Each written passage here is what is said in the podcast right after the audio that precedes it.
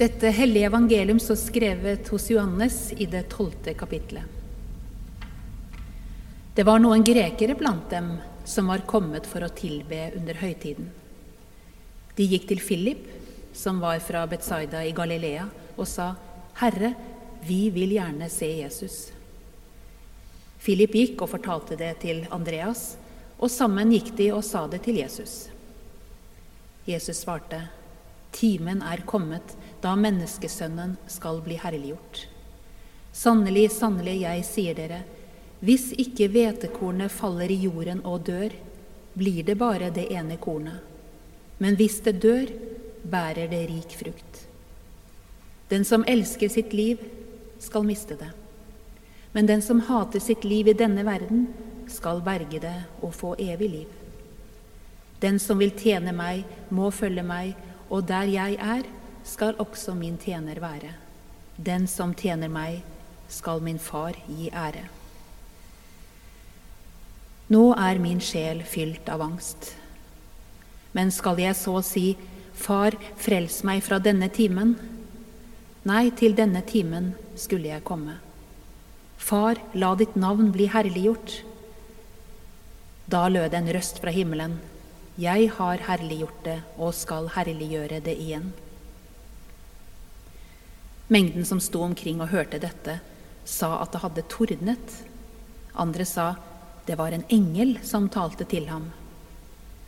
Da sa Jesus, denne røsten lød ikke for min skyld, men for deres. Nå felles dommen over denne verden. Nå skal denne verdens fyrste kastes ut. Og når jeg blir løftet opp fra jorden, skal jeg dra alle til meg. Dette sa han for å gi til kjenne hva slags død han skulle lide. Slik lyder det hellige evangelium. Gud være lovet. I dag på fastelavn handler det om å ville se. Vi vil se Jesus, sa de grekerne som var kommet til byen i høytiden. Som grekere var de trolig godt kjent med å søke visdom. Kanskje også gresk filosofi med temaer innen logikk, metafysikk og etikk. Men nå trengte de å se. Jo, vi kjenner oss kanskje igjen i denne hungeren etter å se. At synssansen er menneskenes sterkeste sans, at den kan overstyre andre sanser, er både vår styrke og vår svøpe. Noen ganger vil vi se for å forstå, se for å få klarhet i tingene, skjønne en gang for alle. Men erfaringa sier oss jo at å se er ikke alltid nok. Vi må gi det ord og mening, en sammenheng. Noen ganger ser vi noe annet enn hva vi forestilte oss på forhånd. Synet kan gjøre oss mer forvirra. Slik framstilles det i ordene fra Jesaja, som vi hørte ble sunget av koret. Kunne dette være Gud, sier menneskene. Fornedra og plaga, ikke fin å se på, kunne dette være Herrens tjener? Det de så, snudde opp ned på det de forestilte seg. I hele evangeliet til Johannes er det et gjennomgående trekk at mye blir snudd opp ned på. Der er ikke død et nederlag, men selve høydepunktet i Jesus sitt virke. Når Jesus blir løfta opp på korset, er alt fullbrakt. Da vises hans herlighet. Og slik blir kjærligheten, den som tåler alt, gjort synlig, uttrykker Johannes.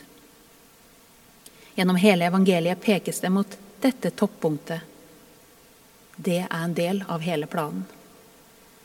Men som vi hører, menneskene rundt han forstår det ikke.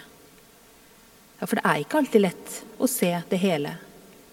Ofte er det vesentlige skjult, som hvetekornets spirekraft, som livets mulighet gjennom død. Fastelavn i år handler om å ville se, starta jeg med. Fastelavn har nok til alle tider vært en fest for øyet. Fra gammelt av var tiden før fasten forbundet med karneval. Maskeradeball i fargerike kostymer, opptog, lek, hører vi først nevnt fra Venezia på 1200-tallet og skikken spredde seg til Spania, Portugal og så videre til Sør-Amerika. I karnevalet slippes forestillingen løs. En kunne se ut som en annen. En kunne leke med roller. I alt dette var det også et underliggende alvor, for i karnevalet ble etablerte hierarkier snudd opp ned på. Det lave kunne rage høyt. En kunne se det absurde i øvrighetens maktutfoldelse, til og med le av den, og dermed få utløp for innebygd frustrasjon. I norske fastelavnstradisjoner ble også rolla snudd opp ned på. En gammel skikk sier at barna kunne stå opp tidlig om morgenen og gi, og gi ris på baken til sine foreldre. I leken ble det absurde gjort synlig. Og slik har det kanskje til alle tider vært, at i festen kan noe av det faste forsvinne. Vi kan løse opp på noe som begrenser. Noe vi ellers skjuler, kan bli synlig. Vi kan utvide repertoaret for vår livsutfoldelse. På valentinsdagen, hvor vi gir oppmerksomhet til kjærligheten blant oss, kan vi også huske på hvor viktig en fest kan være for å se, se den andre med kjærlighetens øyne, eller selv våge å bli sett. Det er mange grunner for å trenge festen. Kanskje har festen hatt dårlige kår i det pietistiske Norge. Alvoret har vært lettere å få øye på. Festen har i alle fall hatt dårlige kår i dette året. Derfor er det gode grunner for å snakke fram festen, holde fram minnet om den og fremkalle drømmer om at den kommer igjen til oss. Fastelavn kan bidra til å se, se langt framover. I år blir det ikke holdt så mange karneval rundt om i verden heller. Istedenfor venetianske, nydelige, dekorerte masker må vi ta på oss vår tids masker, munnbinda. Ikke til lek, men i dypt alvor. Bak maskene blir all livfull ansiktsmimikk borte. Vi går som i dvale for hverandre. Og alt dette for å få se mer av hverandre til våren forhåpentlig. På fastelavn i år handler det om å ville se. Men våre muligheter til å se er ofte begrensa, både i konkret og i overført betydning. I en tid hvor vi lydstrømmer her fra domkirka, blir noe av dette erfart på særskilt vis. For dere som lytter til gudstjenesten, kan ikke se rommet her kan ikke se de fine fastelavnsrisa som vi har pynta alteret med. Og dere kan ikke se at vi har satt fram kalk og disk. Dere må se det for dere. Vi kan overføre denne erfaringa til flere felt. For når vi blir frarøva å se, skjerpes vår hunger etter å få se igjen. Skjerpes også vår bevissthet om å holde fast noe for vårt indre øye, troens og kjærlighetens øye. Den kristne tro hviler på et merkelig paradoks. At det vesentlige er usynlig for vårt blikk. Jeg tror dette er en viktig grunn til at mange av oss kan synes at det er vanskelig å tro. At mange av oss kan synes at det er dårskap, det vi holder på med. Vi har latt synssansen overstyre andre sanser og tilnærminga for erkjennelse. Men samtidig insisteres det jo på, gjennom inkarnasjonsteologien til Johannes, at det vi ser rundt oss og erfarer i vår verden, er gjennomstrømma av Guds nærvær. I sollysets klarhet, i vennens vare blikk, i barmhjertigheten i hungeren i vår sjel, i spirekraften i frøet. Men ikke bare i det vakre, også i det vi ikke tåler å se, den vi skjuler ansiktet for, i lidelsen, og i den undertrykte og i den utsatte. Der er Gud for oss. Jesaja-hymnen klinger også med her.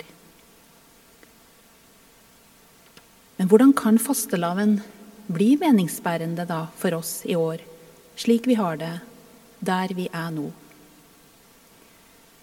Fastelavn er en forberedelse, sa jeg. Men kanskje ikke primært for å tåle en streng faste. For slik opprettholdes jo et syn på fasten som en selvpålagt lidelse som skal holde oss unna alt som kan gi oss liv. Jeg tror fastelavn kan være en forberedelse, men på flere vis. Kanskje til å ta i bruk flere sanser i det å tro i det å erkjenne hva livet er. Kanskje kan det være å søke mysteriet i hvetekornets lov og spørre hva skal dø for at noe annet og rikere skal spire fram i oss og blant oss? Kanskje er det å øve oss i å få et bedre dybdesyn, slik at vi ser større sammenhenger. Ser at det guddommelige kan se annerledes ut enn vi først forestilte oss. Kanskje kan fastelavn i år, inspirert av karnevalets lek, være med å utfordre etablerte hierarkier og løfte fram det minste blant oss. Fastelavn er en forberedelse til fasten som begynner i kommende uke. Det er en invitasjon til å følge med på en vei som Jesus staka ut. Kjærlighetens vei.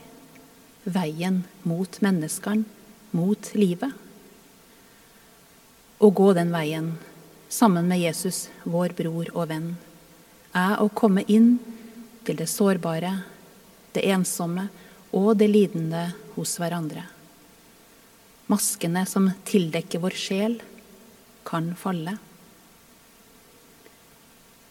I disse utilslørte møtene kommer Gud nær. Gjennom kjærlighetens og troens øyne ser vi Gud.